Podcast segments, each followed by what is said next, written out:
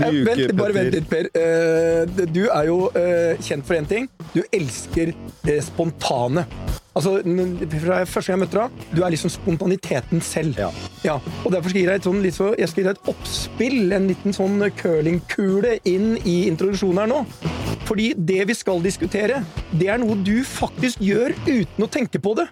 Og du tenker at det irriterer vel ingen? Men la oss ta det i dag. Jeg har alltid en ny boks med Ja, ja, ja, snus. ja, ja, ja. Med snus. Du snuser like mye som meg, men du er helt fraværende når det gjelder å ha med deg snus. Så det, det, det, er litt sånn Du snylter ikke på fellesskapet, du snylter på meg! Ja, men og det er det vi skal snakke om i dag, og derfor skal jeg gi deg innspillet! Hvilke snyltere skal vi diskutere i dag? Eller er de snyltere, eller er det mest naturlige ting i verden? Det er å la du ha en leverandør, hoffleverandør av snus, som du har fått. Ja, det, eh, At jeg bommer snus av deg med ujevne mellomrom, er min pe personlige formuesskatt av deg. Så det må du bare leve med, Petter.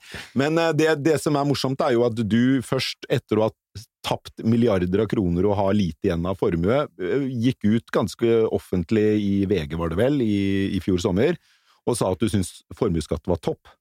Det er- Altså, Og nå, nå, nå, nå, altså, du som er en tidligere redaktør, som bør liksom etterleve en viss grad av eh, presisjonsnivå, bør vite følgende. Jeg sa bare at den jævla formuesskatten tar altfor stor plass i det offentlige ordskiftet, og så brøt helvete løs! Ja. For det jeg mener, det er feil fokus. For meg som driver butikk, så kan vi, vi kan godt diskutere formuesskatt, som vi skal gjøre her i dag, og alle andre miljøskatter, men å la den få så stor plass det er ikke det som avgjør hvilken business og hvilken suksess Nei. jeg har i den norske Men da er det jo morsomt at vi vier nok en halvtime av uh, vår tid til å snakke om formuesskatten. Ta introduksjon nå, da!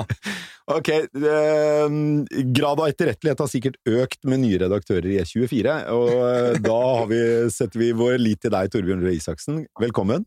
Tusen takk, hallo! Du kan jo en endelig si hva du mener om formuesskatten, som du er ute av regjering og ute av Høyre, Ja, ja, ja. og eh, samfunnsredaktør i eh, E24. Det Velkommen stemmer. til deg. Takk skal du ha. Og så har vi den som eh, kan mer om formuesskatt i søvne enn oss øvrige tre i rommet eh, til sammen, nemlig deg, Bettina Banon, partner i Wiersholm. Velkommen til deg også. Takk. Du har jo eh, i en årrekke nå vært en av Norges fremste skatteeksperter. Eh, regnes som en av dem, og har vært ganske offentlig i uh, ditt syn på formuesskatten. Hvorfor er formuesskatten et så betent tema? Formuesskatten er betent tema, særlig fordi eh, mange føler da at de må tappe selskapene for midler for å, å betale den, og den er også vridende ved at eh, sta, utlendinger og staten ikke betaler det, sånn at det reduserer norsk eierskap. I tillegg så er det jo det at den, eh, grunnlaget er blitt veldig økt i de senere tid, eh, både med at aksjerabatt har gått ned, og at eh, Eh, sats har gått opp, grunnlaget har vært utvidet, og i tillegg så hadde man tidligere en skattebegrensningsregel. Kombinasjonen òg, at man ser at for å ta ut, eh, for å betale formuesskatten som legges på personer, så må man ta ut utbytte, og den utbytteskatten er også jevnt og trutt økt.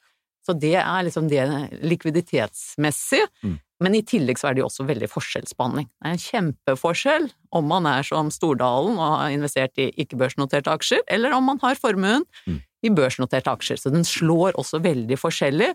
Noen med det samme type like mye verdier kan bli beskattet på en Ja. veldig ulik måte. Er det noe av det som provoserer mange av dem som er av de som har en stor formue, og som er tydelig mot formuesskatten? Er den eh, ulikheten i hvordan formuesskatten treffer, eller er det selve konseptet at man betaler av en formue som man har bygget og allerede har skattet av?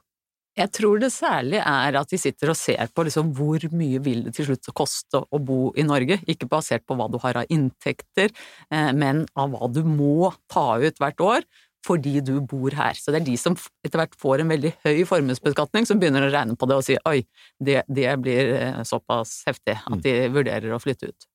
Men eh, Torbjørn, har, eh, du har jo nå en litt friere rolle, men det var jo eh, grunnen til at vi diskuterte dette, var jo vår eh, gigantiske skistjerne, legende Bjørn Dæhlie, som besluttet seg å flytte fra Bø i Vesterålen til Sveits. Eh, Og Det gjorde at det, det kokte helt over på sosiale medier, og noen hevdet at skistjernens kolleksjoner lå i flere konteinere enn var på kropper i Oslo. Um, men, og det var snakk om usolidaritet i forhold til fellesskapet. Men han var jo ikke aleine, fordi at barna til Hagen eller noen av de har flytta ut. Kristian Sinding har flytta ut, Torstein Hagen har flytta ut, Svein Støle har flytta ut, Hugo Maurstad. Lista er lang, og dette skaper jo enorme diskusjoner. Um, og vi er jo spent på hvor står du liksom i denne debatten nå? Det er det nå? hele Norge spør om nå.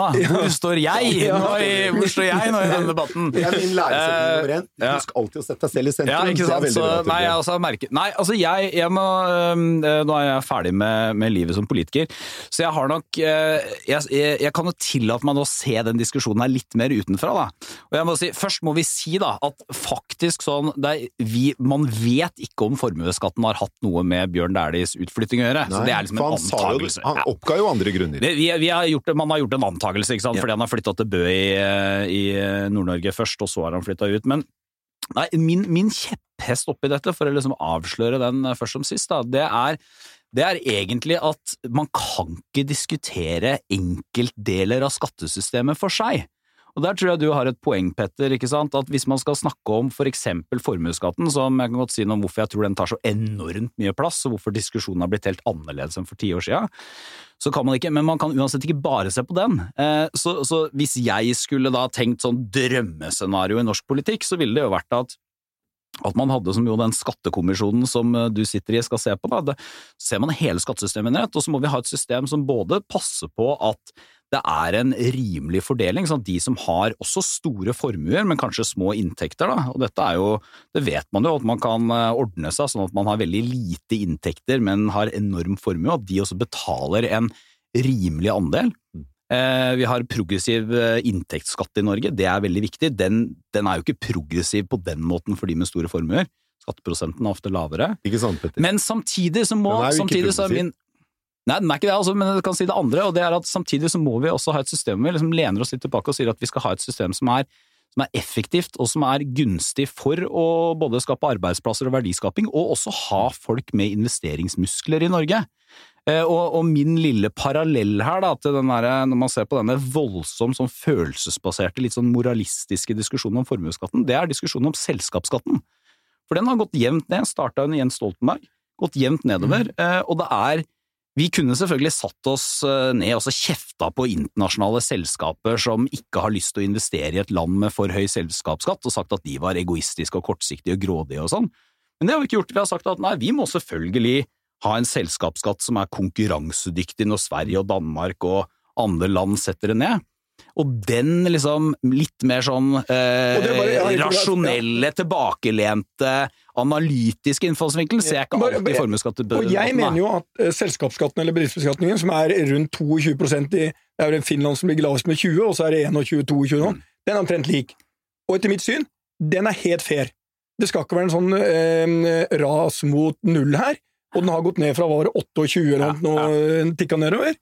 Og så har du en utbytteskatt som nå er 21 35, da. Ja, 31? 35. 35 og de, de konkurrerende landseierne 30. Sverige 30 rundt om. Ja, Men det er også sånn, da ender du med eh, skatt på omtrent 50 eh, for du får ikke sånn skatt på skatt-fenomen, men sånn hva er regnestykket? Ja, det blir 49,5. 49,5. Så du får liksom Og det syns jeg er fair, for utbytte det, det bruker jeg til liksom, private ting, eller eh, hus og hytter og forbruk. Det, der syns jeg det er helt fair. Det jeg har litt problemer med formuesskatten, er at den er komplisert. Fordi, som Bettina sier, det er li- forskjellsbehandling, spesielt i forhold til utlendinger. Og det andre er, du har en del selskaper, type, som du ser veldig mye av i Stockholm, store tech-selskaper, som taper penger, som har enorme børsverdier. Og så, hvis de hadde vært i Norge, så hadde de fått en enorm formuesskatt uten muligheter for å ta utbytter, for selskapene taper penger. Men Petter, Og for- også hva skjer da når plutselig det vil se børsen raser? Helt Du får ikke tilbake igjen formuesskatten du har betalt, og du har betalt på men- verdier som og, og det mange må, må gjøre, er jo å selge aksjer for å betale Men, men det kan jo hende, nå, nå er det mulig at alle som hører på podkasten har sånn eh, At alle lytterne deres er sånn 'jeg har intim kunnskap om uh, formuesskatten', men akkurat det vi diskuterer nå, er jo en av kjernene for å skjønne dette. da. Og sånn, ikke sant, For folk flest så blir jo dette tilsvarende sånn. Si du har, eh, ja, si du har en eh, bolig hjemme i Porsgrunn, da, Ja. hvor Petter og jeg kommer fra. Si ja, litt en fin bolig i Porsgrunn. Si du har betalt eh, 5,5 million, da har du fått ganske mye. eh, og så har du en inntekt eh, på ja, si 500 000 eller noe sånt, så er jo poenget med formuesskatten er at det er ikke inntekten du betaler skatten av, men det er verdien av formuen, altså boligen. Så det ligner litt på en boligskatt, det er liksom det nærmeste sånn folk flest eh, kommer i her. Så uavhengig av hva du har i inntekt, så er det formuesverdien, og det er klart, sitter du da med eh, 500 millioner i et familieselskap, for eksempel, så kan det bli ganske mye. Så det er, ja. Ja, men eh, jeg tror jo altså eh, Du har jo selvfølgelig helt rett i det, Torbjørn, at formuesskatten og debatten rundt den blir ofte Den blir ikke god fordi man uh, ikke fokuserer på den i, liksom, i, helheten av hele skattesystemet vårt. men det vi vet, da, er jo at veldig mange av de som har store formuer, mm er, der er det formuesskatten er det eneste de betaler. Ja, og, det, og, og, det, og, den regjeringen du var en del av inntil ganske nylig, ja. tok jo bort den eneste tingen de ellers skattet, nemlig arveavgiften, ikke sant? Ja. Eh, som jo er en slags eh, formuesskatt ennå, men først etter at du dør. Og som de fleste land har, mens de færreste land har formuesskatt. Så for uh, veldig mange, da, så er jo formuesskatten det eneste de skatter, fra de blir søkk rike til den dagen de dør. Ja, og jeg synes at det er et veldig godt argument for at man ikke burde fjerne formuesskatten. Og at man heller Altså min, min ideal, mitt ideal, eller det jeg skulle ønske, var nok isteden at jeg er, nok, jeg er skeptisk til om man klarer å få en arveavgift som faktisk Altså, det er vanskelig å få en arveavgift som treffer på mm. omfordeling, mm. samtidig som den ikke blir ekstremt vanskelig for enhver bedrift, særlig mindre bedrifter mm. som skal gjennom et generasjonsskifte. Men jeg har ikke noe sånn prinsipielt imot en arveavgift. Men hvis du ser alt dette sammen, altså hvis du kunne tenkt deg en formuesskatt som klarere traff det som var altså kan si, private verdier, da, og ikke så mye kapital. Eh, og hvis du samtidig hadde Jeg har ikke noe prinsipielt imot en eller annen moderat arveavgift med, med såpass høyt fradrag at, og såpass lavt nivå at det ikke gjør et eierskifte, generasjonsskifte, umulig. Så, så det, er, det, er en, det, er, en, viktig diskusjon, eh, for jeg, jeg mener heller ikke at vi kan ha et samfunn hvor og så er det mange nyanser da, i at man ikke betaler noe, for mye av dette handler om når man tar ut, og hvordan mm. man tar ut av selskapet, om man beholder noe i selskapet over tid og sånn. Men vi kan ikke ha et samfunn hvor de som har de største formuene, over tid blir oppfatta og ikke bidrar inn i felleskassa på samme måte som andre.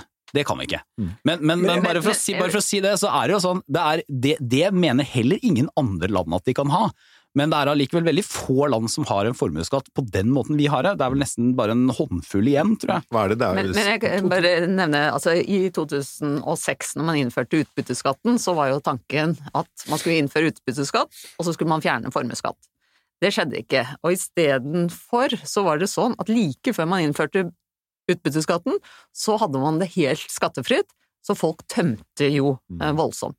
Så det ble jo en gruppe mennesker av de som var rike i 2005, som på en måte slapp mm. den fremtidige utbytteskatten, fordi de levde lenge på det de hadde skutt inn igjen. Mm.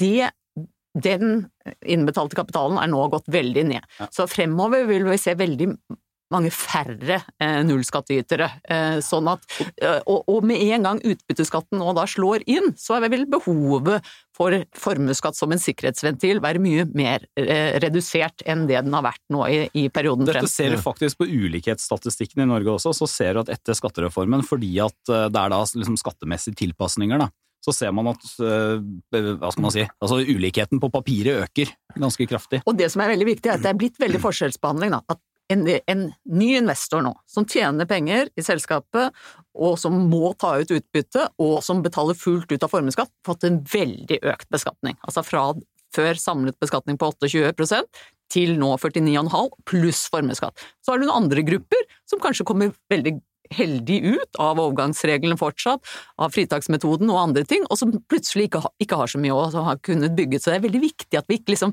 vi ser på de som er kommet veldig heldige ut, og så øker vi skatten for den andre gruppen.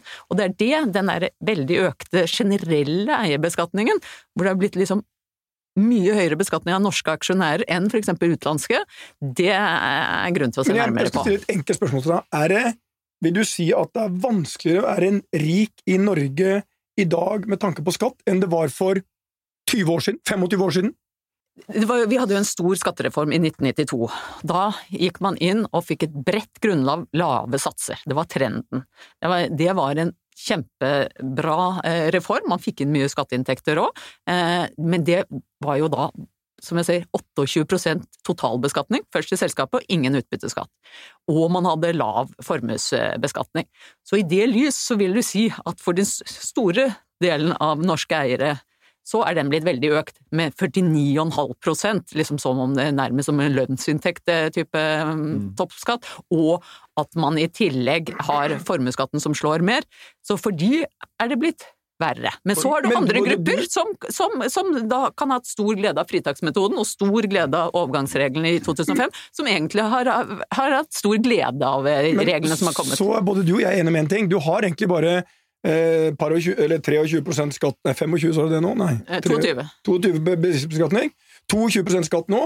Hvis du reinvesterer og bruker de pengene Du tar ikke ut, du bare lar de skape nye arbeidsplasser, fortsette å investere. Da har du 22. Ja, det er første året du tar pengene ut. Ja, at det, det slår inn på de 49,1 Ja, og det er der det er. ikke sant? Normalt så tenker man at ok, og det du tar ut, da har du fått en inntekt, og da skal du eh, betale den høyere skatten. Men når du må ta ut, hvis du har børsnotert hvis du sier du må ta ut 300 millioner i året for å betale formuesskatten, og på de får du også utbytteskatt, så blir det egentlig de facto en veldig mye høyere skatt enn den. Og det, det, det, det, blir jo en kjempeforskjell, for du får både effekten at du må få de 35% utbytteskatten og høyere formuesskatt enn andre da som ikke trenger å gjøre det. Da, øh, ville det da øh, ikke vært bedre å heller kutte formuesskatten, sånn at du slipper alle de problemene som noen med høy formue, men lite likviditet, eh, får, eh, og heller innføre, gjeninnføre arveavgiften, sånn at når den velstående dør, så har de ikke lenger et problem, og det vil bli frigjort en del kapital i forbindelse med arveoppgjøret som går til staten, og dermed har man skatta en gang for alle når ja, man er altså, ferdig. Men, men, eh, men, jeg tror uh, problemet med den arveavgiften vi hadde, var jo at den traff jo folk også. Det var derfor den var så innmari upopulær. ikke sant? For at hvis du hadde typisk sånn uh, tippoldefar eller oldefar hadde kjøpt en hytte et eller annet sted som nå har ja, kvadrupla seg i verdi. Ikke sant? Ikke sant? Og det, men, det men er ikke fornuftig, men, men, hvis du da nei, øker innslagsnivået, altså, sånn som du gjør på formuesskatten ja, altså, Men så... en eller annen moderat form for arveavgift har ikke jeg noe sånn prinsipielt imot, men, jeg tror, men det er jo det, akkurat det samme problemet der, hvis man mener at det er en verdi at bedrifter går i arv fra generasjon, at du har norske familiebaserte eiere. Da. så, så, kan okay. jo den arveavgiften, hvis den blir altfor høy, så gjør det at det er at du f.eks. må selge deg ned da, for å frigjøre ja. kapital. Okay. Så, men, men, men, men, mitt poeng er at jeg tror ikke det er, jeg ikke det er så vanskelig å få en eller annen altså Jeg tror ikke det er så vanskelig å lage en innretning. Hvis du hadde starta med utgangspunktet vi hadde for ti år siden, da, da husker jeg da var LO-lederen og Trond Giske, som var næringsminister, ute og sa at vi burde gjøre noe med formuesskatten. Så mente de at vi skulle ha en annen type beskatning isteden. Hvis det er poenget ditt, staten skal ha inn like mye penger, kanskje mer, eh, vi skal passe på at de som, eh, de som, har mye, også betaler sånn i sum en rimelig andel men vi skal beskatte på en annen måte. Så tror jeg det er ikke en gordisk knute for politikerne å klare Nei. å få til et sånt system. Nei, men, jeg, men jeg tenker, altså, det å ha som utgangspunkt for et skattesystem hvor mye staten skal få inn, er jo veldig lite kundefokusert, da, hvis man skal tenke på det.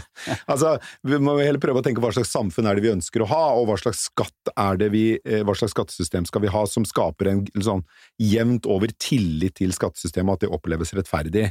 Og da vil jo jeg tenke at det er bedre at du skattelegger en person når den personen eh, dør, og så får man heller Fordi det, det er jo Altså, jeg kommer i hvert fall ikke på noen eksempler der land med en høy andel familieeide bedrifter gjør det spesielt mye bedre enn, en enn i land der det er en Nei, høy altså, turnover i eierskapet. Det er vel snakke, snarere, snarere ganske om, omdiskutert om liksom i rein sånn uh, altså, markedsøkonomisk kapitalistisk perspektiv. Du vil ha høy omløpshastighet ja, på den kapitalen? Ja.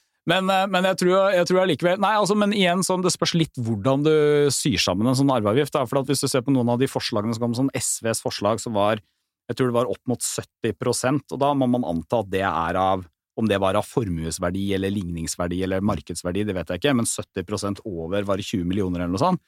Klart at Da begynner du å nærme deg et nivå som gjør at generasjonsskifter er ekstremt vanskelige. Mm. Men hvis du har det først og fremst for å få penger, da, hvis de ikke tenker at arveavgiften skal, skal, drive en massiv fordeling, men bare gi en inntekt til staten, så er det mulig å skru den sammen på den måten.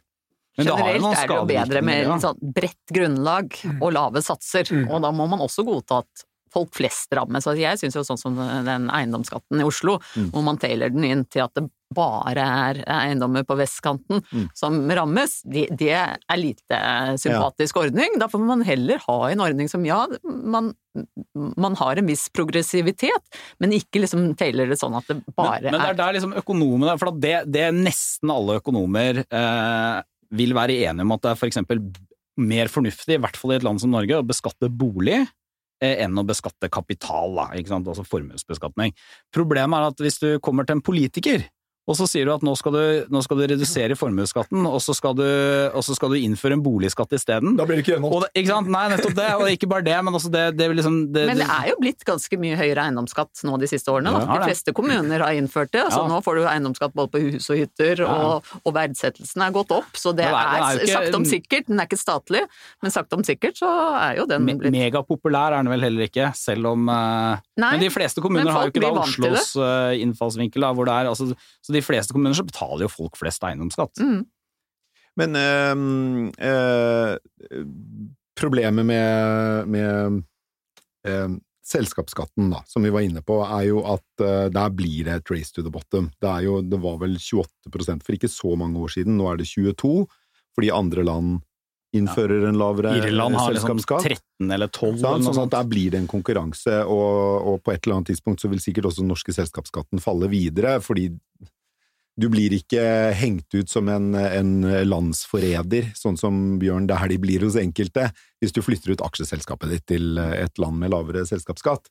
Så eh, bedrifter kan flytte, rike kan flytte, men de som da eh, skal Som du er inne Det på, er, ikke, det er ikke så lett for bedrifter kan- å flytte, da, men de kan jo opprette selskaper i, i utlandet. I andre, det, ja. ja. de kan kanskje ikke flytte fabrikken eller, eller butikkene, men de kan flytte hovedkontoret og endre på Men sin. de kan la være å etablere seg, er vel en av de viktige argumentene Eller de kan la være å etablere seg, ja. Men, så hvis du da har en tilnærming til skattepolitikken der liksom alle skal med, eh, og der du skal ha en eiendomsskatt eksempelvis, der eh, eh, alle lag av samfunnet skal betale den eiendomsskatten, og så skal det ikke bli for urimelig på toppen, så er det jo egentlig bare en annen variant av uh, formuesskatten, med det unntak av at eh, alle andre ble med på det. Ja, men det er litt som du sier, om man syns det kanskje er litt mer eh, død kapital hvis du har en eiendomsskatt, det har én virkning Mm. i forhold til om du beskatter veldig høyt mm. næringsvirksomhet. Men jeg tror ikke det er noe naturgitt at er 22, at man må ha så lav eh, selskapsskatt som 22. Altså det er eh, mange land, mange land har høyere enn det, og man ser jo også at de jobber internasjonalt for å få en, få en et høyere standard enn eksempel man har i Irland osv. Så, videre. så så jeg tror man må se på alle elementer, eh, skal, i, om det er eh, problemet er jo, uansett du flytter Man har jo sett at Irland har fått veldig mange store multinasjonale selskaper som har flytta hovedkontoret dit, og som klarer da å overføre store deler av inntekten ditt nett, og det er kun én grunn til at de etablerer seg der, det er skatt. Ja. Men Altså, sam, samtidig jobber man jo nå internasjonalt for å si at det skal ikke være så avgjørende hvor hovedkontoret er, men jeg skal heller betale der du faktisk Men, men er et, kilden- eh, for å ta et poeng Ja. som eh, ikke sant, igjen, sånn, Hvis vi er enige om at formuesskatten altså, formuesskatten er for all del altså, det er en viktig diskusjon, og så blir den enda mer sånn betent fordi at det er blitt litt sånn den store symbol- og praksissaken som skiller liksom, høyre- og venstresida i norsk politikk. Men ta noe som jeg vet du har prata om, Petter, eh, hvor du sa at, eh, at eh, Google eller disse store tech-selskapene betaler mindre enn en gjennomsnittlig kebabsjappe i Oslo sentrum, og det er nesten sant. Ikke sant? Så hvis du tar og der er det, så det er masse Ja, det er alle de store altså dette, Ja, dette altså, vi- det er er alle veldig- de store multinasjonale. I prinsippet, det jeg sa var, se hvordan Google, Facebook, Netflix, alle de store konkurrerer med Schibsted, Ja. og det er fundamentalt forskjellige konkurransevilkår, for disse store betaler i prinsippet ikke skatt til Norge. Mm. De har enorme inntekter her, og det er, det er det jeg mener er feil. Nå har, og nå har en del land bare måka til og sagt dere betaler, og de har sagt jeg tror de kom med skatt på omsetning for å unngå dette. Eller på salget deres, da. Men det kan du mye mer. Jeg ser du ser på meg nå, Bettina, som om det var overlæreren min som skulle korrigere hva jeg nå sier. Og det, det, jeg skal bare korrigere før du sier det. Når jeg brukte kebabrestaurant på Bislett som et eksempel, så vet jeg at du skal drive en jævlig god kebabrestaurant for å konkurrere med Google, men de betaler bare noen få millioner. Ja. Og det er veldig viktig, og her kommer vi til å se en stor endring fremover. For OECD og alle jobber med det, at man skal, man skal beskatte mer der hvor ting skjer, og der hvor omsetningen skjer. Ja. At det blir feil at det er noen store selskaper som Mitt- poeng- kan jeg bare skyte at- det- Jeg skal bare spørre, Ja, okay. Bettina, tror du det er realistisk at vi vil se en reversering av den trenden mot stadig lavere selskapsskatt, og at vi kan få Eh, Det blir i hvert fall et høyere nivå av minimumsbeskatning. Mm. Der snakker man jo om 15% og, det, og at man skal også beskattes lokalt hvor ting skjer. Mm. Så det, det kommer til å bli, bli en endring. Mitt poeng var bare at det, var, eh, at det er en, dette spørsmålet om sånn, hvor skatter særlig tech-selskapene er et gigantisk og egentlig mye større spørsmål for Norge enn ikke sant, Husk på at det vi diskuterer nå er i praksis, hvis du ser på norsk politikk de siste 20 åra, er jo ikke om formuesskatten eh, skal bort, helt bort eller bli enormt svær. Det er at den går opp eller ned, og så har den gått ganske kraftig opp i perioder. Det er viktig å huske, altså. Ja. Eh, Under, under rød-grønn regjering altså, gikk den ganske kraftig opp, men likevel, det er en bitte liten del av skattesystemet. Men la oss, eh, ikke sant? tenk hvis vi ikke gått tilbake til, eh, til et utgangspunkt hvor eh, skatt handler selvfølgelig om moral og sånn også, men det handler også om at du skal ha et praktisk skattesystem som fungerer, og et land med en markedsøkonomi trenger også kapitalister. Så jeg tror at en av farene hvis man tror at det er liksom kostnadsløst for samfunnet å bare øke formuesskatten, det er jo nettopp at flere vil da, flere folk med mye penger vil da si at ok, eh, åpenbart at eh, her er ikke et regime som jeg kan leve under, og da pakker de sammen og drar. Det, det en, en ting jeg har veldig sansen for, eh, det er jo um, eh, eh, eh, Altså, jeg syns jo per, Formuesskatten er jo ingen god skatt. Det er altfor mange eh, svakheter ved den. Det, det blir altfor mye Også det blir altfor mye sånn, eh, oss mot dem, rike mot fattige, eller presumptivt eh, mindre rike i, i, i, i Norge. Eh, eh, mens eh, jeg syns arveavgiften egentlig er en ganske god skatt, fordi du, du gjør egentlig mye av det samme, men i stedet for at du skatter 1% hvert år resten av ditt liv, så skatter du kanskje 10 eller 15% når du dør, og så får man da et oppgjør da. I USA, hvor du har en formuesskatt, jeg vet ikke hva den er på, er det, jeg lurer på om den er på 10% eller noe sånt? Eh, er Kan ikke er arveavgift. Nei, arveavgift, mener jeg. Ja, Arveavgift. der har vi. Eh, Death tax! ja, det, ikke sant? Vi har en death Ja, ja. tax i USA på, jeg mener å huske den er sånn rundt 10% kan det stemme, Bettina? Det husker jeg ikke. Nei, i, i hvert fall. I USA hvor du har en høy uh, death tax, så får du jo den eh, tendensen at mange av de som virkelig er rike, de i stedet for at de skal la staten få 10% av pengene sine når de dør, så gir de dem heller bort. Så Eller de lager stiftelser. Ja, eller de lager stiftelser med ofte veldedige formål. Ofte ikke, for all del, men, men du får mer filantropi, og du får mer bidrag fra de rike til gode formål mens de lever, men hvor ikke nødvendigvis staten skal ha sin eh, klo ned i kassa i honningkrukken hvert eneste år. Er ikke det bedre? Jo, men, men det er noe fint med det, men jeg tror igjen sånn er sant? Altså, Man må bare godta at alle skatter og avgifter har jo noen, har jo noen negative konsekvenser sant? Sånn for økonomien og samfunnet. Eh, og for øvrig, godt, eh, det var en diskusjon for eksempel om formuesskatten og dette med at utlendinger ikke betaler. Eh, hvor man diskuterte om er det sånn at, er det, sånn at det er fristende for norske eiere å selge til utlendinger. Og så var det en professor fra NHH som nå skal lede det utvalget du sitter i, som sier noe som er i og for seg riktig, nemlig at du vil jo fortsatt, altså selger du 20% av bedriften din, familiebedriften, da, til en utlending, så vil du fortsatt betale formuesskatt av de pengene. Det er nok riktig, men poenget er at plasseringen, altså avkastningen av de pengene i mange familiebedrifter i Norge, er ikke så veldig høy. Mm. Det er poenget. Så hvis du hadde plassert den et annet sted, og sånn er det litt med denne arveavgiften også, at du må liksom, du må også der tenke at du har et eh, verft med 70 ansatte på Vestlandet som har starta en tippoldefar som skal gå videre til neste generasjon, og det er ikke sånn at det flyter over av likvide midler, eller du bare kan kvitte deg med noen aksjer, så har du penger til å betale en sånn arveavgift. Det må du også ta med i beregninga når du lager en sånn arveavgift. Mm. Når det gjelder denne formuesskatten nå med utenlandske aksjonærer, så ser man jo særlig at hvis du har et selskap da, med både norske og utenlandske aksjonærer, og så er de i en oppbyggingsfase, og så sier de ja, nå vil vi investere videre sånn. Eh, Men så sier de norske aksjonærene vi må ta ut ganske høyt utbytte, for vi må dekke formuesskatten. Mens de utenlandske sier nei, nei, det trenger vi ikke. Ja, ok, da gjør vi heller en kapitalnedsettelse så vi vanner ut de norske. Den type eh, Ja. Å føle på det, det er særlig de som har tatt kontakt med meg og vil flytte ut, er nettopp det der at de føler de har ikke lyst, de er i en oppbyggingsfakse, de har ikke lyst til å bli marginalisert nå. Og det andre problemet er jo det som han var han som var i vår podkast, Kjetting-Jan og Kjetting-Jan, ja. eh, og, og for så vidt han Jakob Hatteland i Autostore Mm. eh, adresserte, det er det der med at du, du betaler skatt på formue som er i form av produksjonsbygninger og andre ting, som er litt, kall det død kapital.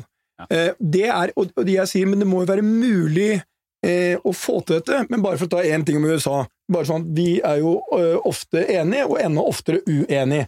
Um, og jeg sier uansett, se på alle statistikker i verden over relativ likhet og ulikhet, uansett liksom sosialt velferdsstaten vår. Det er jo ingen land i verden som kan sammenligne seg med de nordiske landene. Vi er på topp på basically topp ti på alle statistikker. I tillegg er vi de lykkeligste folkene i verden. Så la oss liksom starte med at vi har bygd et fundament her som er fantastisk bra, men vi må bare tilpasse det litt, sånn at vi liksom mm, unngår det som vi har kommet til nå, at det blir en enormt fokus på noe jeg mener er løsbart. Ja, Vi har jo brukt eh, nok en halvtime av våre liv på å diskutere noe du mener vi snakker for mye om, Petter. Og Ja. eh, det er herlig ironi. Jeg tok Jeg ut litt si personlig jeg- formuesskatt på Ja, deg der er, nå med en, en ny eh, snus. Du er velkommen til å ta enda mer. Vi, det har gått en halvtime, så vi må runde av. Men ehm, Men jeg må si, jeg skal svare på et spørsmål. Jeg, jeg mener det er å drive business i de nordiske landene, eh, med unntak av de få tingene vi diskuterer nå, er fantastisk, og jeg mener det aldri har vært bedre å starte opp og drive business. Det er enkelt, det er relativt ubyråkratisk, og det fungerer, og det er et land hvor liksom, eh, det er, eh, som svensker ordning og reda.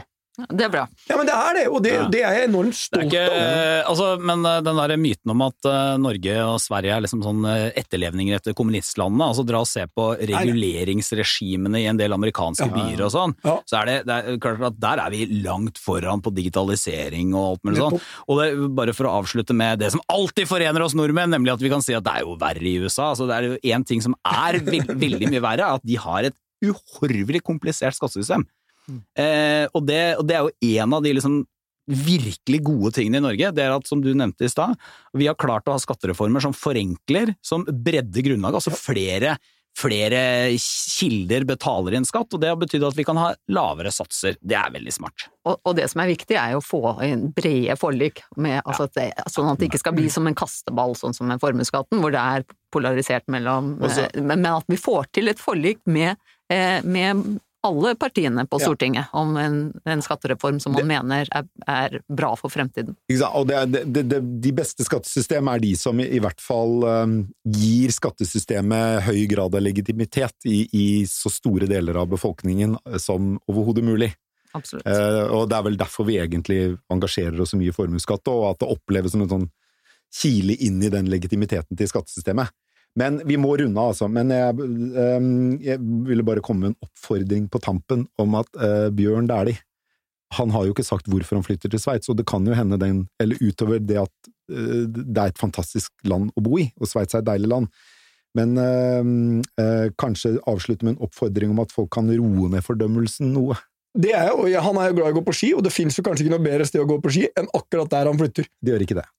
Ja, Jeg er helt enig i at det er så fordummende når det blir sånn personangrep. Det gjør det. Skatt er for viktig til at man eh, skal ja. føre debatten på det nivået. Eller Men- at- ikke sant, at én person skal bli selve symbolet på alt som er gærent eller riktig med norsk skattesystem. Det kan vi Men eh, eh, droppe. jeg har eh, det er jo, Vi står jo her med to som har gjort helt fantastisk karriere, og jeg har én ting jeg lurer på, Bettina.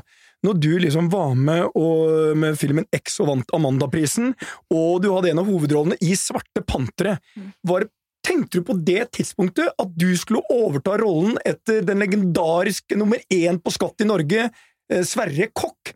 Eh, At du skulle stå der liksom etter Svarte pantere. Det er meg, Bettina. Jeg er nummer én i Norge på skatt. Jeg er den som er med og definerer hvordan vi skal finansiere velferdsstaten i fremtiden.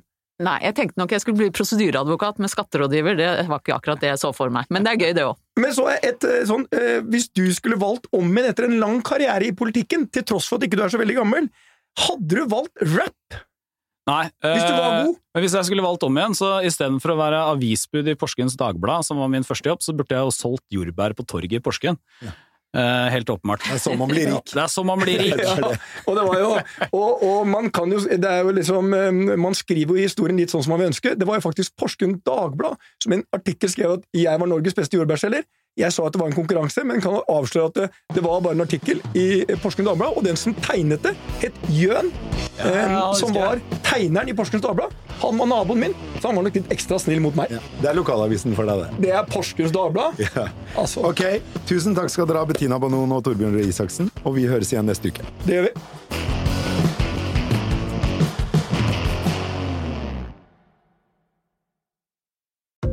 Et godt råd fra Apotek 1. Når du skal kose deg i solen, er det viktig med god solbeskyttelse. Hodeplagg og skygge hjelper, men vi trenger også solkrem. Vi har ansiktssolkremer tilpasset ulike hudtyper. Har du f.eks. tørr, fet eller normal og kombinert hud, finner du solkremer spesielt tilpasset deg og ditt behov.